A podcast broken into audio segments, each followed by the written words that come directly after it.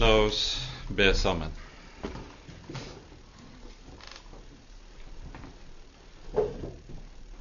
Kjære gode Herre, hellige og trofaste Gud. Vi takker og lover deg at vi skal få samles på ny i ditt hellige navn og om ditt hellige ord. Takk, Herre Gud, at du har lovet selv å møte oss gjennom ordet ditt. Og Derfor ber vi deg, Herre, at du vil forbarme deg over oss, at du vil komme til oss med din Hellige Ånd, slik at vi kan få lære deg å kjenne igjennom dine ord.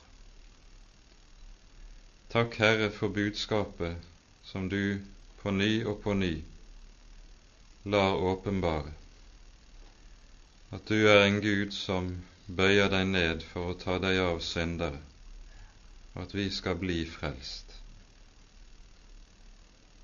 Vil du, Herre, komme og fornye oss i troen på Ham som er synderes venn.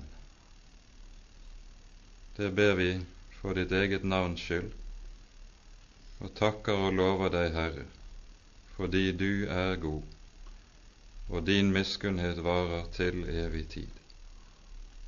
Amen.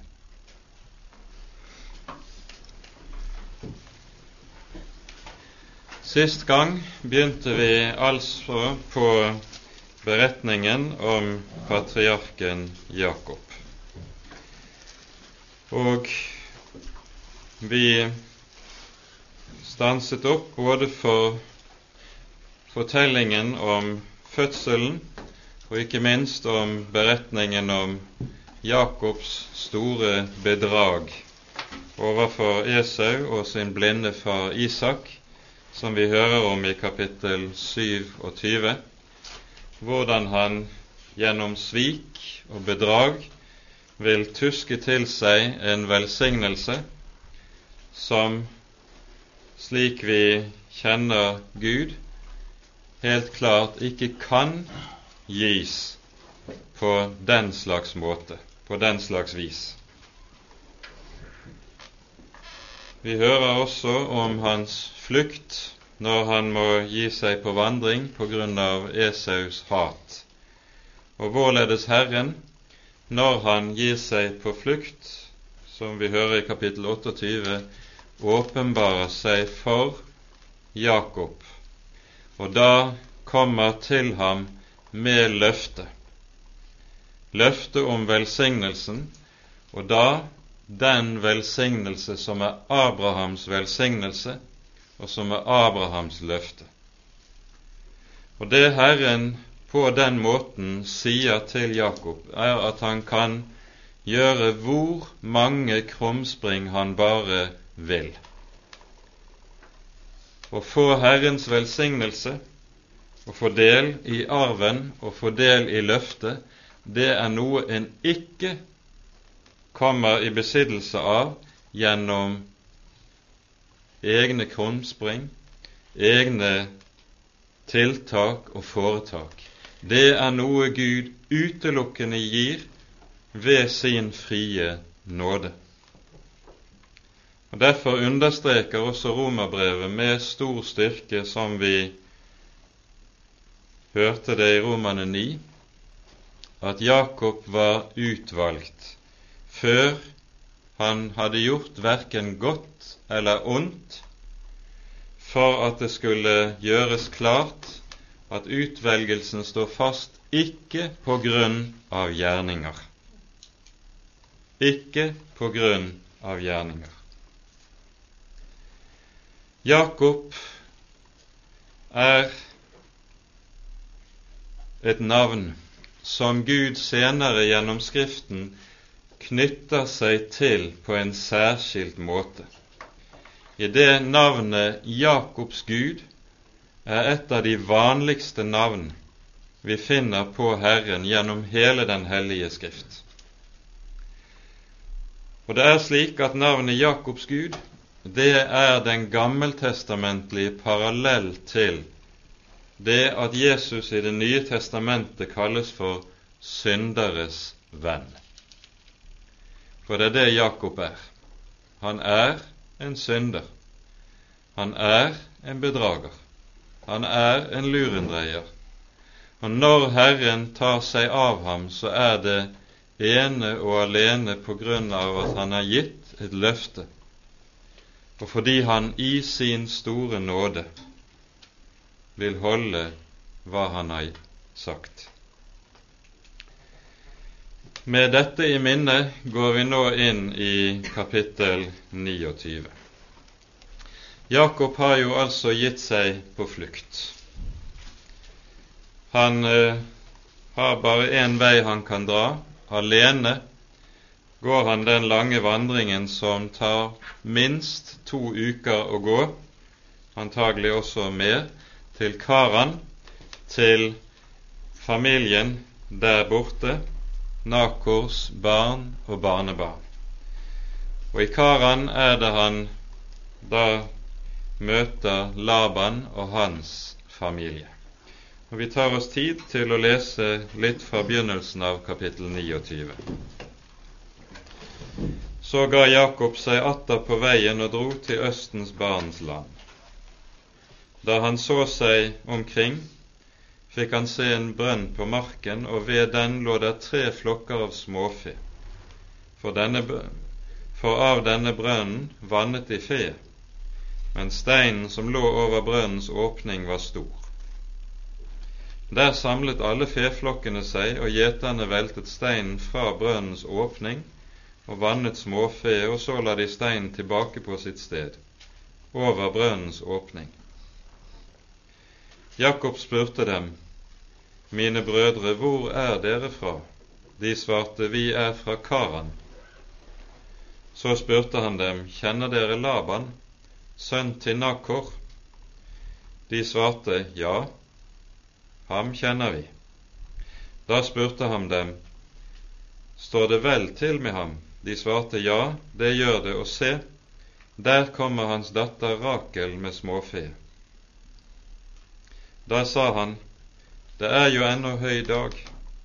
Det er ennå ikke tid til å samle buskapen, vann småfe og gå av sted igjen og gjett. Men de sa, det kan vi ikke før alle feflokkene er samlet og steinen blir veltet fra brønnens åpning. Da vanner vi småfe.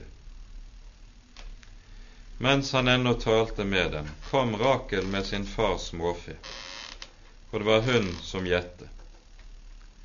Og da Jakob så Rakel, sin morbror Labans datter, og så småfe som hørte hans morbror til, gikk han frem og veltet steinen fra brønnens åpning og vannet sin morbror Labans småfe. Og Jakob kysset Rakel og brast i gråt. Og Jakob fortalte Rakel at han var hennes fars frende, og at han var sønn til Rebekka. Da sprang hun av sted og fortalte det til sin far. Da nå Laban fikk høre om Jakob sin søstersønn, løp han ham i møte og omfavnet han og kysset ham, og førte ham inn i sitt hus. Og Jakob fortalte Laban alt det som hadde hendt. Da sa Laban til ham, Sannelig, vi er av samme kjøtt og blod. Og han ble hos ham en måneds tid. Her har altså Jakob nådd målet for sin vandring. Og jeg tror vi kan regne med at Herren har styrt hans skritt slik at han nokså rakt har kommet på målet.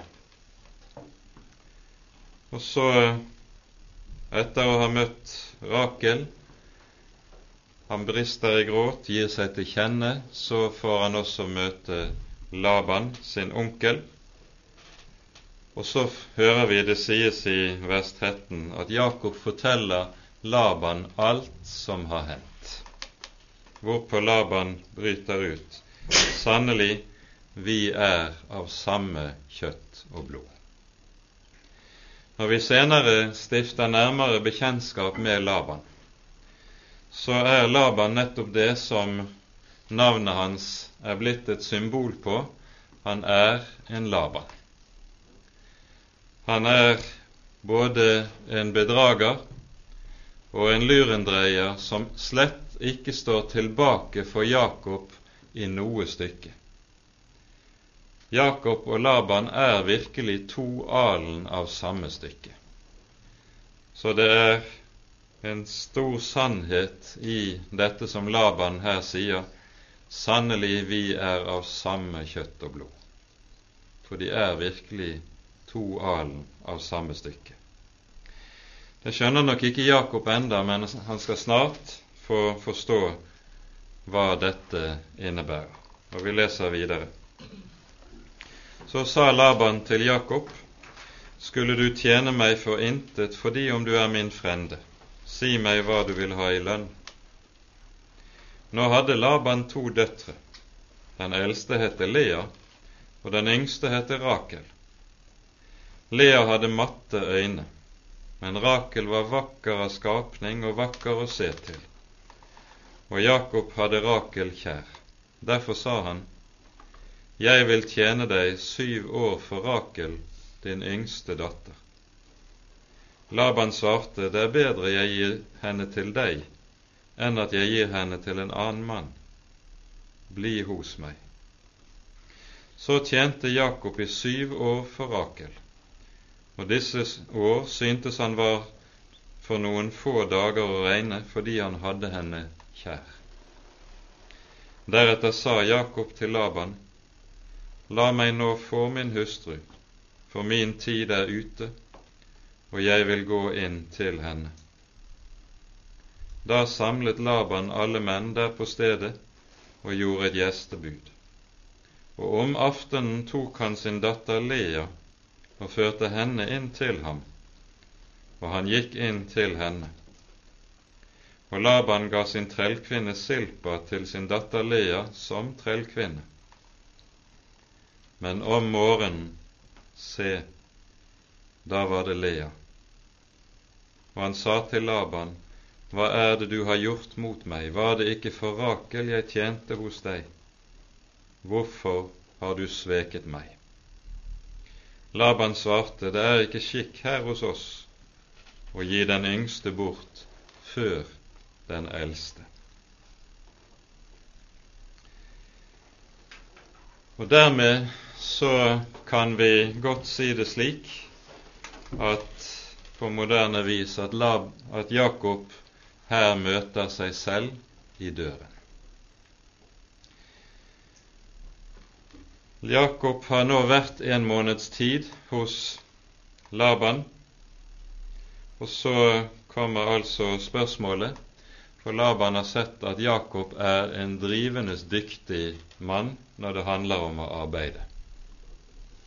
Det er ikke rett at du skal være her forintet, si hva du vil ha til dem Og Jakob har jo ingenting, han har reist med tomme hender hjemmefra. Gi meg din datter til hustru. Jeg vil tjene deg syv år for henne. Syv år, det var den tiden som en normalt ga seg inn i trelldom. Syv år var trelldomstiden. Så Jakob tilbyr seg her å tjene rett og slett som trell hos Laban i denne perioden. Og å gi sin datter til ekte til en mann på sånne vilkår, det var sterkt i strid med alt det som var vanlig i datiden. Og for datter til Laban må dette ha kjentes som noe sterkt nedverdigende. Det hørte med til en kvinnes ære at hun fikk en rimelig høy medgift når hun giftet seg. Ingenting av dette er inne i bildet i eh, forbindelse med Jakobs ekteskap med Labans døtre. Og de opplever det her slik som at Laban rett og slett selger dem til godt kjøp. Det ligger en veldig fornedrelse for døtrene i dette, og det kommer de tilbake til senere. I kapittel 31 så sies det også uh, rett ut uh, i vers 14 og 15 når Jakob tenker på å bryte opp fra Laban, så sier han har vi ennå noen lodd og i vår fars hus? Har han ikke regnet oss som fremmede? Han har jo solgt oss og selv fortært det han fikk for oss. Det hører med til forståelse av hele bildet i hva som skjer også denne siden ved det. Men Jakob er altså oppover ørene forelsket i Rakel. Og vi hører det er jo et uhyre vakkert uttrykk at de syv årene var for Jakob som noen få dager fordi han hadde Rakel kjær. Dette sier noe om hvordan en også etter bibelsk tankegang skal vente til den rette tid før en går inn til hverandre, slik Bibelen bruker uttrykket. Så kommer tiden for ekteskapsinngåelsen, de syv år, avtalte året gått. Og så er det altså at Jakob får oppleve det bitre. Slik han selv svek sin blinde far, som ikke kunne se blir han nå selv sveket av Laban. Skikken var nemlig ved ekteskapsinngåelse at bruden ble ledet inn i teltet ved kveldstid og med slør over ansiktet, så Jakob hadde ingen mulighet til å vite at her var det en annen enn den han hadde kjær, som ble ført inn til ham. Og så blir Jakob gjenstand for den samme slags bedrag som han selv hadde utsatt sin bror Esau for. Det et menneske sår, skal det også høste, sier Skriften. Og det som vi nå ser begynnelsen på, det er at Jakob nå får et opphold på hele 20 år i Karan, i tjeneste hos Laban. Disse 20 årene er 20 meget vanskelige år for Jakob. For stadig er han utsatt for Labans meget lunefulle sinn, som sviker ham om igjen og om igjen. Det er 20 år som er tuktens år. Det er 20 år der Jakob må erfare noe av det vi leste fra Galaterne 6. Det et menneske sår, må det også høste.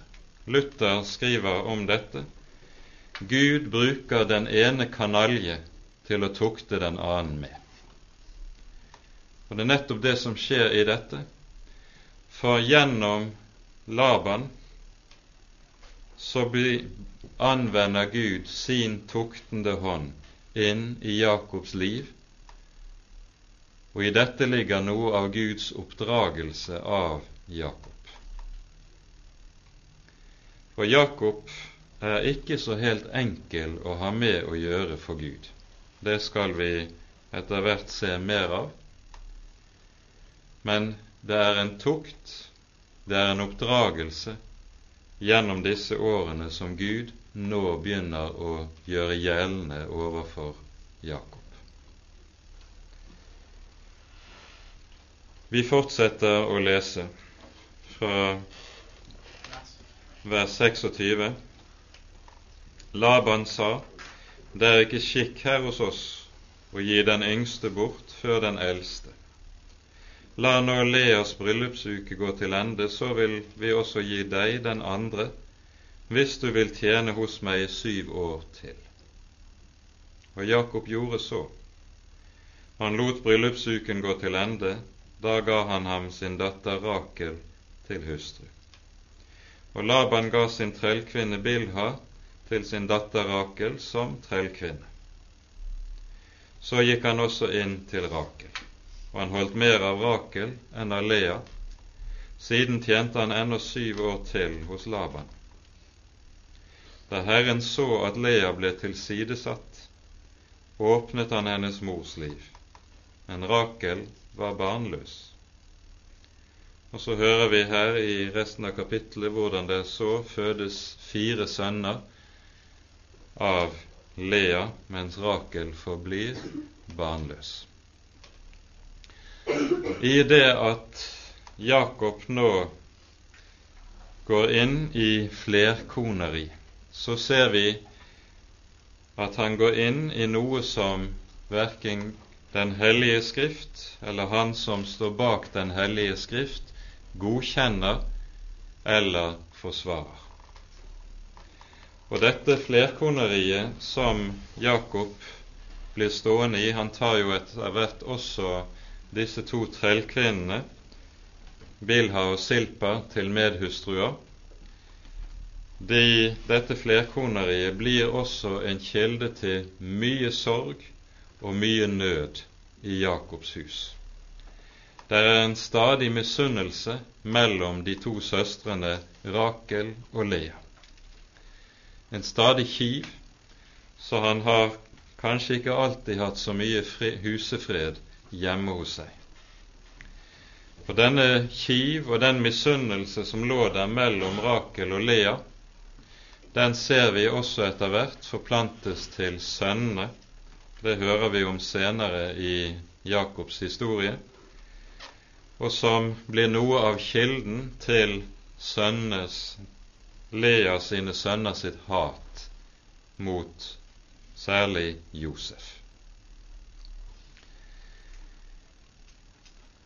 De 20 årene som nå ligger foran Jakob, det er sannelig tuktens år og vanskelige ord. Vi skal ikke gå inn på alt det som skjer her i detalj, men bare kort peke på et par trekk ved noe av det som skjer. Um, vi hopper til kapittel 30,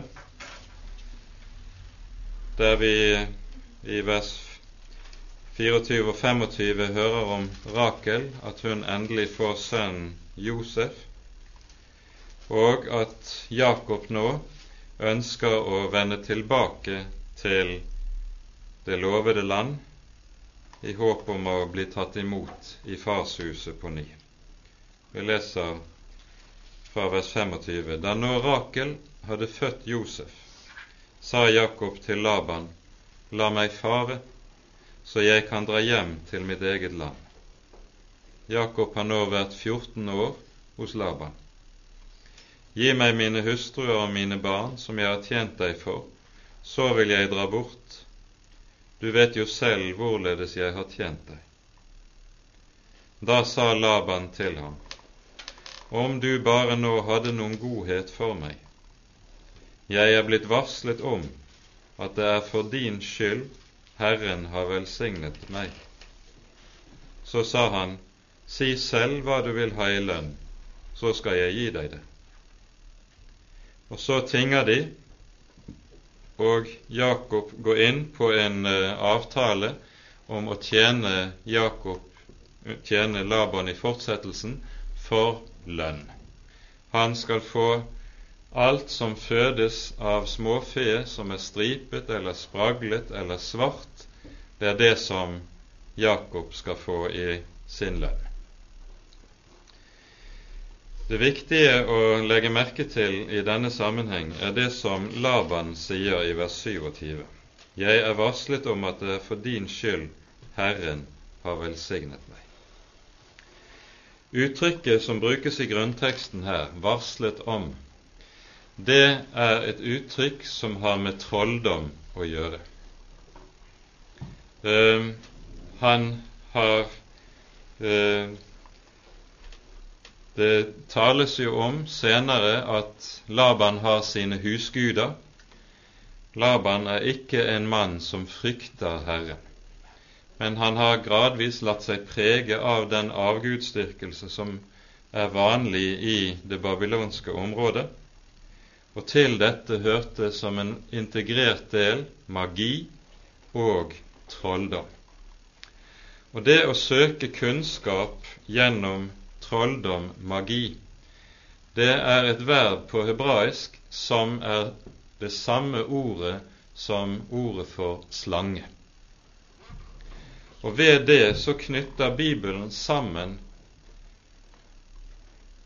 den typen åndelighet, den åndsmakt, med den åndsmakt som ligger bak. Slangen som forførte mennesket i den første tid. Det er denne som er virksom i den typen kunster og gjerninger som ligger bak trolldom. Hos Laban så ser vi meget typisk det som man kan kalle for forfallsproduktet når et menneske er i fall bort fra troen på den eneste sanne Gud og inn i frafallet. Da er alltid mellomstasjonen på det det man kan kalle for en slags blandingsreligion, der troen på Herren blandes sammen med elementer fra hedenskapet. Det er det man med et fint ord kaller for synkretisme. Laban fornekter ikke Herren. Det hører vi tydelig. Han til og med påkaller Herrens navn ved flere anledninger. Men samtidig har han husguder. Samtidig driver han med trolldom og magi. Nettopp slik blandingsreligion er det på en måte det første og avgjørende skritt inn i frafallet. Og der en forsynder seg nettopp mot det som er det første bud. Og første bud, det handler om at Herren vil være Gud alene. Herren vil la seg påkalle som den eneste Herre og Gud. Han vil ikke ha noen ved sin side. I Labans hus er det slik at hans to døtre er meget ulike. Hos Lea ser vi bevart, for det ser vi ganske særlig, i de navn hun gir sine sønner. Alle navnene som Lea setter på sine sønner, viser en tiltro til og tillit til Herren. Hos henne er troen på Herren nedarvet fra Nakor og fra stamfedrene forut for det. Men hos Rakel er det motsatt. Hun har adoptert sin fars avguder og avgudsdyrkelse. Og Derfor ser vi også at når Jakob til slutt, seks år senere, rømmer fra Laban, så stjeler Rakel med seg sin fars husguder. I dette ligger det en hentydning til at sannsynligvis er det slik at Herren hadde tenkt at det var Lea som skulle være og bli Jakobs hustru, ikke Rakel. Men ut fra sin egensindighet så er det altså slik at for å få den hans hjerte begjærer, så går han villig inn både i flerkoneriet og alt det andre som følger med dette.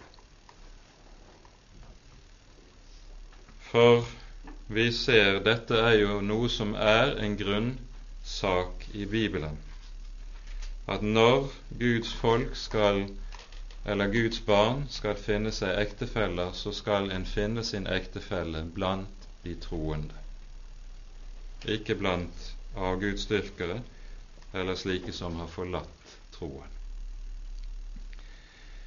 Vel, vi går videre. Nå blir altså Jakob enda seks år hos Laban. Og Herren styrer det nå slik at Jakob etter hvert erverver stor rikdom i Labans tjeneste. Han velsignes rikelig på det materielle området, om vi kan si det slik. Men til slutt så er forholdene hos Laban blitt så uutholdelige at Jakob finner det umulig å bli værende hos Laban lenger. Laban forandrer Jakobs lønn gang på gang fordi han synes det lykkes for meget for Jakob, og vil sørge for å mele seg av å mele sin egen kake via Jakobs velsignelse. Men ved denne tid, når det enda er gått seks år, og Jakob altså har vært 20 år i landflyktighet, så kommer Herren til Jakob og sier, Nå kan du vende tilbake. Vi leser kapittel 31, de par første versene der. Så fikk Jakob høre at Labans sønner hadde sagt Jakob har tatt alt det som vår far eide, og av det som vår far eide, har han lagt seg til all denne rikdom. Og Jakob så på Labans ansikt at han ikke var den samme mot ham som før. Og Herren sa til Jakob, Vend tilbake til dine fedres land og ditt eget folk, og jeg vil være med deg. Da sendte Jakob bud etter Rakel og Lea og ba den komme til seg ute på marken, hvor han bar med sin budskap. Og så blir det altså slik at Rakel og Lea gir sitt samtykke til oppbruddet, og i all hemmelighet bryter så Jakob opp som å dra på ny av sted som en flyktning. Som en flyktning hadde han forlatt fars og mors hus 20 år tidligere. Som flyktning bryter han nå på ny opp for å vende tilbake til Israel, til farshuset, til det lovede land. Laban får rede på hva som har skjedd, tre dager etterpå, og tar med seg sine sønner pluss en stor gruppe av væpnede menn og setter etter Jakob. Og nå står det om livet for Jakob. For Laban, og ikke minst Labans sønner, har etter hvert det har blitt en så sterk grad av misunnelse i Labans liv over at alt lykkes for Jakob, at det er blitt utålelig for ham at Jakob nå kan bryte opp og dra av sted med en så stor flokk og en så stor rikdom som han har fått. Vi kommer nå mot slutten av kapittel 31. Vi leser først vers 24. Gud kom til arameeren Laban i en drøm om natten og sa til ham, Vokt deg, si ikke noe til Jakob, verken godt eller ondt. Herren kommer altså direkte til Laban og advarer ham meget klart mot å skade og gjøre noe vondt mot Jakob. For i det vi nå ser, har skjedd i løpet av disse 20 årene, så har Herren meget trofast stått ved det løftet han ga Jakob ved Betel. Jeg vil være med deg. Jeg vil velsigne deg. Jeg vil bevare deg. Og jeg vil føre deg tilbake til dette sted. Det hadde Herren lovet Jakob 20 år tidligere, og han har stått ved sitt løfte. Nå hegner Herren om Jakob for å verne ham også mot Laban og Labans onde råd. Og mens de så ligger i Gilboafjellene på østsiden av Jordan, når, Jakob, når Laban Jakob igjen, og dette som så ut til å kunne gå helt galt, enda med at de to parter inngår pakt med hverandre, slutter fred og så har Jakob ryggen fri og kan dra inn i det lovede land.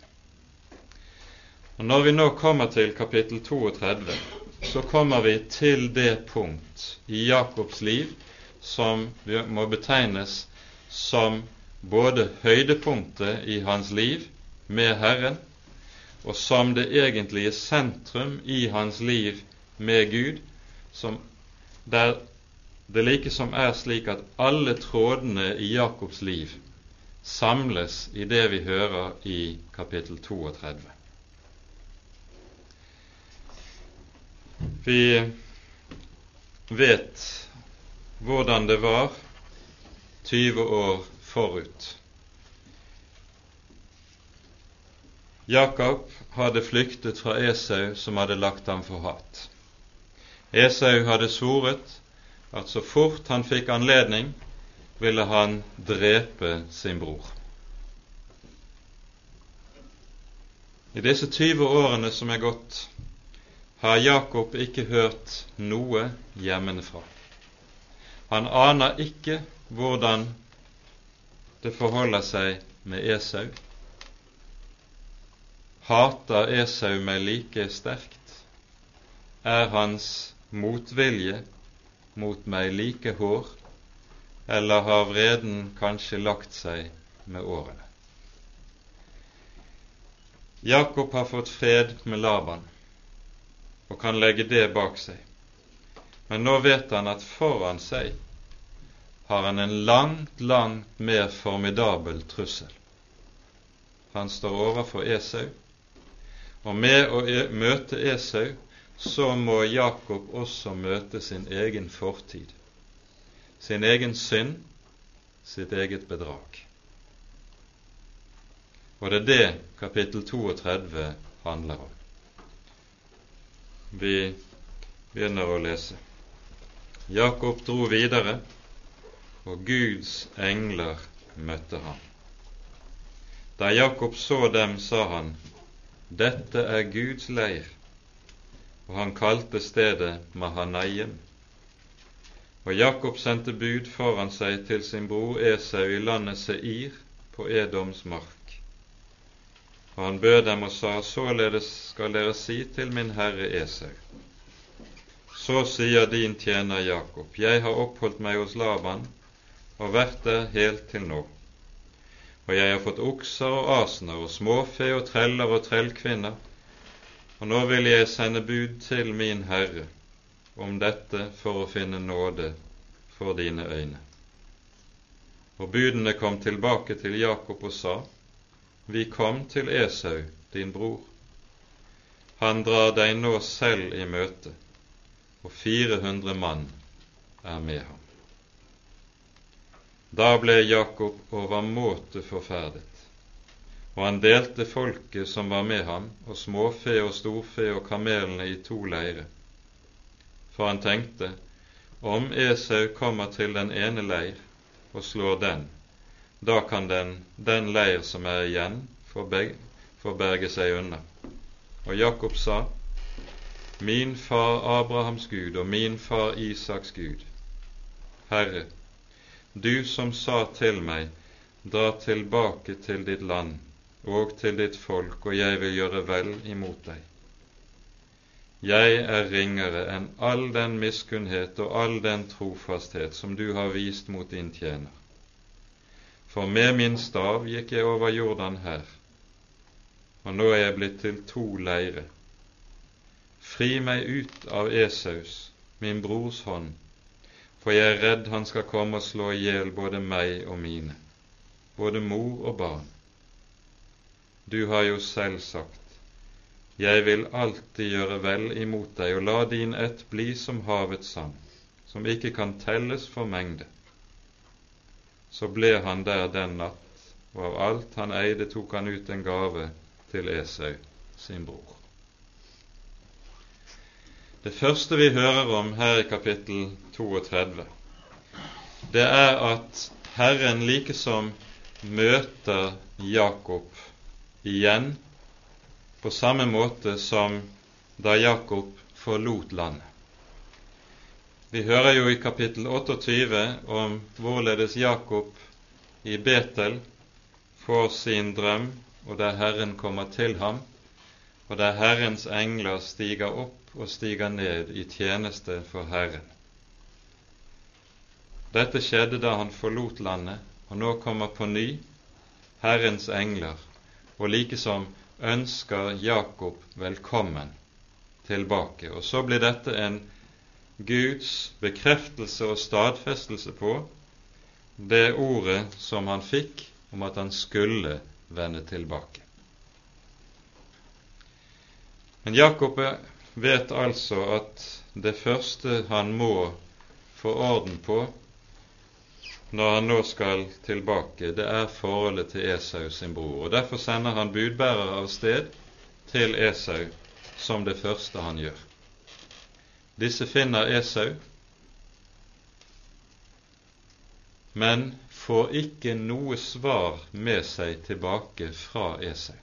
Esau sier ingenting til budbærerne, verken godt eller ondt. Det eneste Esau gjør, det er at han bryter opp i spissen for en hær på 400 mann godt væpnet. Og Jakob får høre det, og så melder angsten seg. For noe av det vanskeligste som et menneske kan oppleve, det er jo nettopp dette uvissheten. Esau sier ingenting. Hadde han bare sagt noe, men han sier ingenting. I dette ligger det en veldig prøve for Jakob, og han er redd. Og for første gang i sitt liv så vet Jakob egentlig ikke hva han skal gjøre. Jakob har hele sitt liv vært den som har visst å sno seg. Alltid har visst råd. Om det ikke var ærlige råd, så brukte han, tydde han gjerne til uredelige råd, tydde han gjerne til bedrag. Han hadde alltid visst å være den som kom seg ned på beina. Men nå står Jakob fast. Og for første gang hører vi Jakob be. Dette er første gang i Jakobs liv vi hører ham be. Han har nok bedt. Men den bønn som nå kommer over Jakobs lepper, det er en bønn som viser oss en mann som har vært i Guds skole gjennom lang tid. Og det er tydelig at Herren har handlet og arbeidet på dypet med Jakob i disse årene. Og denne bønnen er også en bønn som er noe av et forbilde på all sann og rett bønn. Legg merke til hvorledes Jakob ber. Først påkalles Herren under ordene 'min far Abrahams og min far Isaks Gud'. Herre, du som sa til meg. Når han kalles Abrahams og Isaks Gud, så er det med det både en påminnelse til Herren om hvorledes Herren har fulgt og tatt seg av disse hans fedre, samtidig som det er en påminnelse om løftet som er gitt til disse. Abrahams løfte, som gikk til arv til Isak, og som Herren selv har sagt skal gå videre til Jakob. For det andre så holder Jakob frem for Gud det Gud selv har sagt. Du har jo selv sagt til meg, dra tilbake. Hvorfor kommer jeg da nå i slik fare? Hvorfor da i slik nød? Det spørsmålet kommer ikke. Men i møte med nøden så sier Jakob og minner Jakob Gud om det er du selv som har ført meg inn i dette. For det tredje jeg er ringere enn all den miskunnhet og all den trofasthet du har vist mot din tjener. Jakob har begynt å forstå hva det vil si at Herren tar seg av ham helt ufortjent. når Herren vil være hans Gud, når Herren på denne måten både har holdt ham oppe, tatt seg av ham og vernet ham i alle disse årene, så er det ikke fordi Herren fant noe som det var behag i hos Jakob. Tvert om. Tvert om. Det var på tross av at Jakob er den han er, at Herren tar seg av ham. Og så ber Jakob slik. Han begynner å skjønne. Jeg er ringere enn all den miskunnhet og trofasthet du har vist mot din tjener. Denne bønnen er en bønn som en kristen bør komme tilbake til ofte, for den er i rett forstand en mønsterbønn. Hvordan en påkaller Herrens navn, hvordan en minner Herren om hva Han har sagt, og for det tredje hvordan en ser på seg selv og vet at når jeg ber, så har jeg ingenting i meg selv å grunne min bønn på. Hør meg, Herre, for din miskunnhets skyld. Det er det eneste grunnen. Så prøver Jakob i fortsettelsen å gjøre noen trekk der han skal mildne Esau. Han håper på det. Han sender noen flokker med kveg foran seg, småfe og storfe, som gave til Esau, og håper at det skal mildne ham. Og til slutt setter han hele familien sin og alt sitt folk over vadestedet ved Jabbok og blir alene tilbake den siste natten på den andre bredd. Og så er det vi hører den forunderlige historien om Jakobs kamp med Gud. Vi leser fra vers 24. Så var Jakob alene tilbake. Da kom der en mann og kjempet med ham inntil morgenen grydde. Og da mannen så at han ikke kunne rå med ham, rørte han ved hans hofteskål og Jakobs hofteskål gikk av ledd mens han kjempet med ham, og han sa, Slipp meg, for morgenen gryr. Men han sa, Jeg slipper deg ikke uten at du velsigner meg. Da sa han til ham, Hva er ditt navn? Han svarte, Jakob. Han sa, Du skal ikke lenger hete Jakob, men Israel for du har kjempet med Gud og med mennesker og vunnet. Da spurte Jakob, si meg ditt navn. Hvorfor spør du om ditt navn? Spør du meg om mitt navn? svarte han, og han velsignet ham der.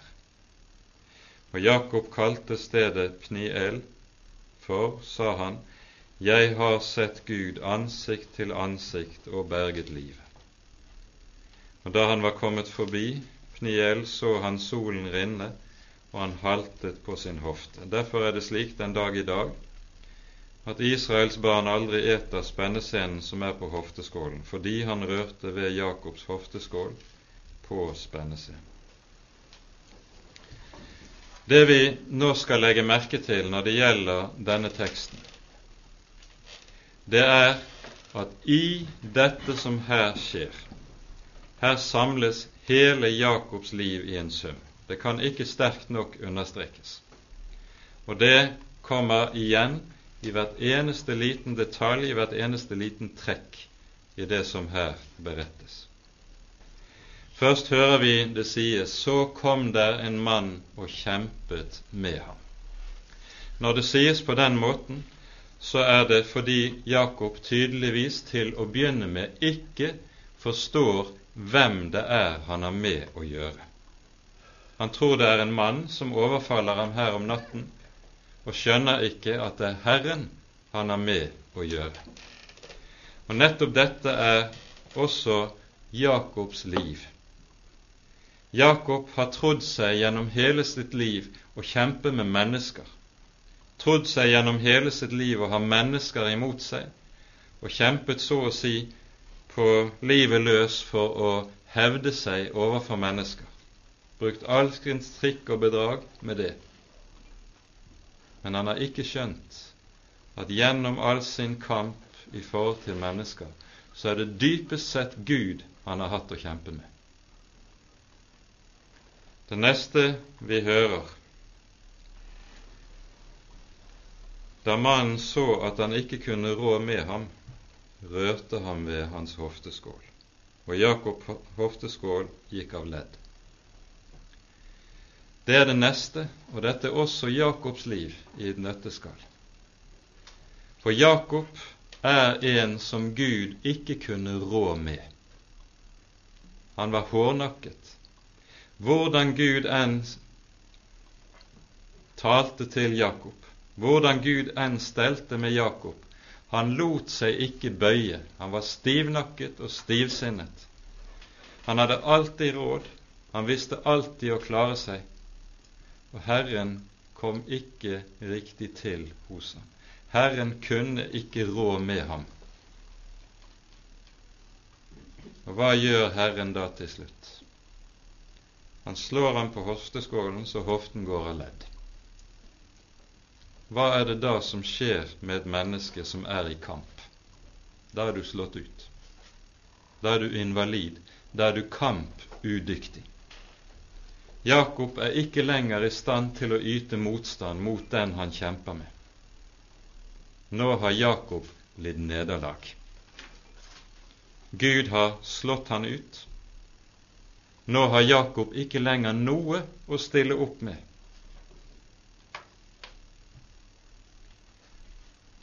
Og så skal vi merke oss at Gud nettopp i dette sier til Jakob du har kjempet med Gud og mennesker og vunnet. Hvordan vinner Jakob? Gjennom å lide nederlag. Og dette er det dype mysterium, den dype hemmelighet i dette. For skal Gud komme til i et menneskes liv og i et menneskes hjerte, så må et menneske på en eller annen måte lide dette grunnleggende nederlag, der en møter veggen, der en så å si ligger utslått til jorden og har bare ett eneste rop. Gud vær meg synder nådig. Herre, frels meg. Fordi en ikke lenger selv kan gjøre noe verken til eller fra. En er slått ut. En har ikke lenger noe å komme med. Hvis Gud ikke får føre et menneske dit hen og dit inn, så får et menneske aldri på ramme alvor med Gud å gjøre. Så lenge vi selv evner å ha krefter til vårt eget, til å styre vårt eget prosjekt, så får ikke Gud slippe til på alvor i et menneskes liv. Dette er en sannhet som går igjen gjennom hele Skriften, når vi først har sett det. Herren døder og gjør levende, fører ned i dødsriket og opp derifra. Herren gjør fattig og gjør rik. Herren nedbøyer og han opphøyer, står det i 1. Samuel 2 i Hannas lovsang. Det er Guds måte å arbeide på nettopp at han vil gjøre levende ved å døde. Han vil opphøye gjennom å fornedre. Han vil gjøre rik gjennom å gjøre fattig. Han vil reise opp gjennom å slå ut. Det er Guds måte å arbeide på. Merk det, for dette er grunnloven i alt Guds liv. Derfor lyder det også i Jesaja 45, vers 15 slik Du er en Gud som skjuler seg, du Israels Gud, du vår frelser. Legg merke til det. Gud skjuler seg når han vil frelse. Og nettopp dette stadfestes her inn i Jakobs liv. Og så må Gud slå en hardnakket og stivnakket mann ut for å slippe til hos ham.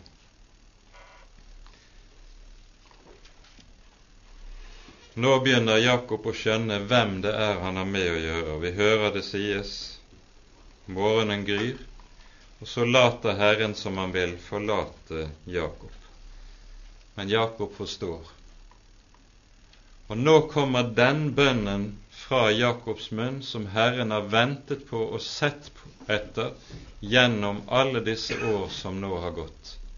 Jakob sier, 'Jeg slipper deg ikke uten at du velsigner meg'. Tidligere har Jakob nemlig visst å kunne sørge for velsignelsen selv. Det var jo nettopp det han gjorde da han bedro sin blinde far og tok Esaus velsignelse. Han ordnet med velsignelsen selv. Det er det han også langt på vei har lykkes med i tjenesten hos Laban. Gjennom sin dyktighet, sin snarrådighet, gjennom at han var den han var, så klarte han alltid å ordne ting til egen fordel. Han behøvde ikke å be Gud, for han klarte det selv. Men nå nå er Jakob i en annen stilling, og så må han be jeg slipper deg ikke uten at du velsigner meg. For det er Herrens velsignelse Jakob skal ha.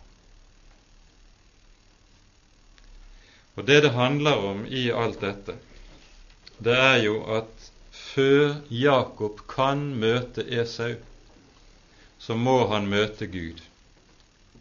Før Jakob kan møte Esau på rette vis, som å få gjort opp med Esau, så må han ha gjort opp med Gud. Derfor kommer Herren selv og søker Jakob opp, for det er jo det han gjør. Det er ikke Jakob som har bedt Gud om å komme her til denne kampen. Det er Herren som ubedt søker Jakob opp, for endelig å få ham i tale, for endelig å nå inn der det var så vanskelig å nå inn.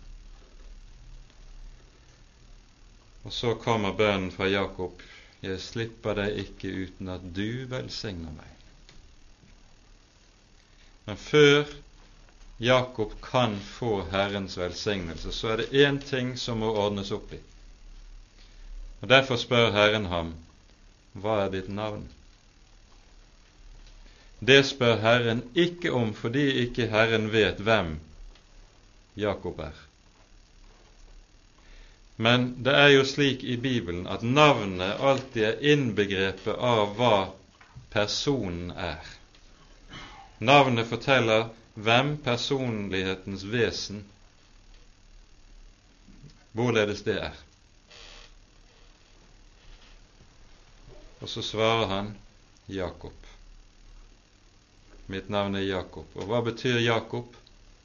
Den som holder i hælen lurendreieren, bedrageren. Det er mitt navn. For første gang innrømmer Jakob sannheten om seg selv, om hvem han er. Det er det som vi kaller for å bekjenne sine synder. 20 år tidligere hadde han fått det samme spørsmålet fra sin blinde, svar, blinde far. Hvem er du? Hva er ditt navn? Da løy han. Og hele hans liv videre har hvilt på denne løgn. Han har levet på en løgn, på bedrag. Nå må han tale sant. Sant om hvem han selv er. Sant i møte med Han som er den levende Gud, og for hvis øyne ingenting er skjult. Jeg er bedrageren. Jeg er svikeren. Han pynter ikke på noe. Og når Jakob nå har på en måte lagt sitt liv åpent for Gud slik, så kan Herren reise ham opp igjen. Du skal ikke lenger hete Jakob, men Israel, for du har kjempet med Gud og mennesker og vunnet. Jakob får et nytt navn. Og et nytt navn, det betyr i Bibelen alltid at en får en ny stilling. Det nye navnet Jakob nå får av Herren, betyr en ny stilling. Han kommer i en ny stilling i forhold til Gud. Og Dette er derfor også et forbilde på det som kalles for det nye navnet senere i Skriften. Du skal hete Israel. Guds fyrste betyr det. Det betyr han som har kjempet med Gud. For han har kjempet med Gud og vunnet, vunnet gjennom å lide nederlag for Gud. Og så kan det lyde som vi hører i vers 29, og han velsignet ham der. Nå får Jakob Guds velsignelse. Nå er det ikke lenger en velsignelse som står i hans egen hånd, er opp til hans egen kraft. Nå får han Guds. Og så kan Jakob møte sin bror. Vi hører først, det sies i vers 30, Jakob kalte stedet Pniel. For, sa han, jeg har sett Gud ansikt til ansikt og enda berget livet. Dette burde antagelig oversettes noe annerledes, helst kanskje slik Jeg har sett Gud ansikt til ansikt og fått livet. For det er det Jakob nå vet at han har fått. Dette ordet 'enda', som står i vår bibeloversettelse, står ikke i grunnteksten.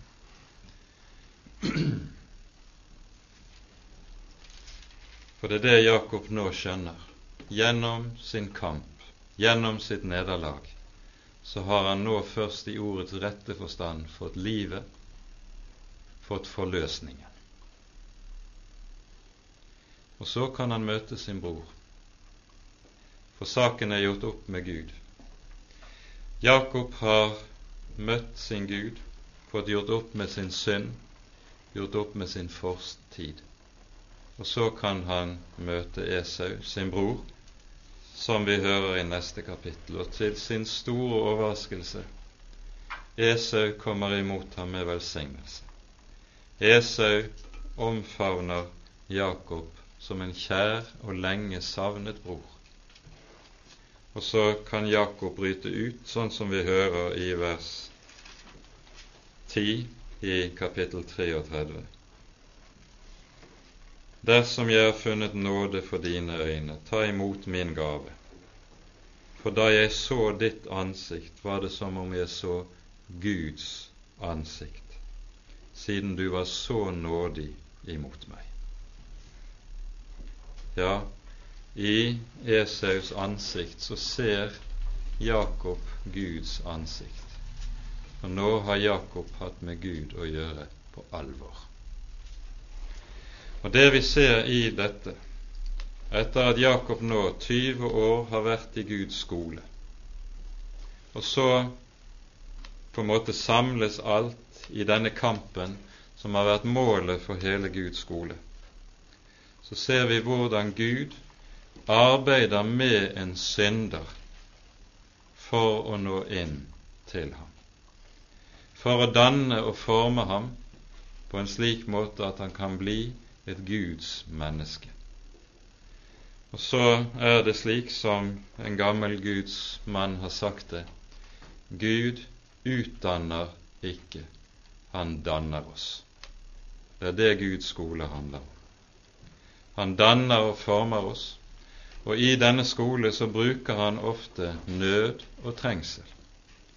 Han bruker mennesker som vi synes er vanskelige mennesker, som sitt redskap i denne skole. Og så skal vi lære at når vi har det slik og opplever det slik, så skal vi lære oss å tenke vi har med Gud å gjøre bakom det hele. Nå er jeg i Hans skole, som er synderes venn, som tar seg av syndere og lærer syndere veien. Gud er og har latt seg kalle Jakobs Gud, fordi han er en slik Gud.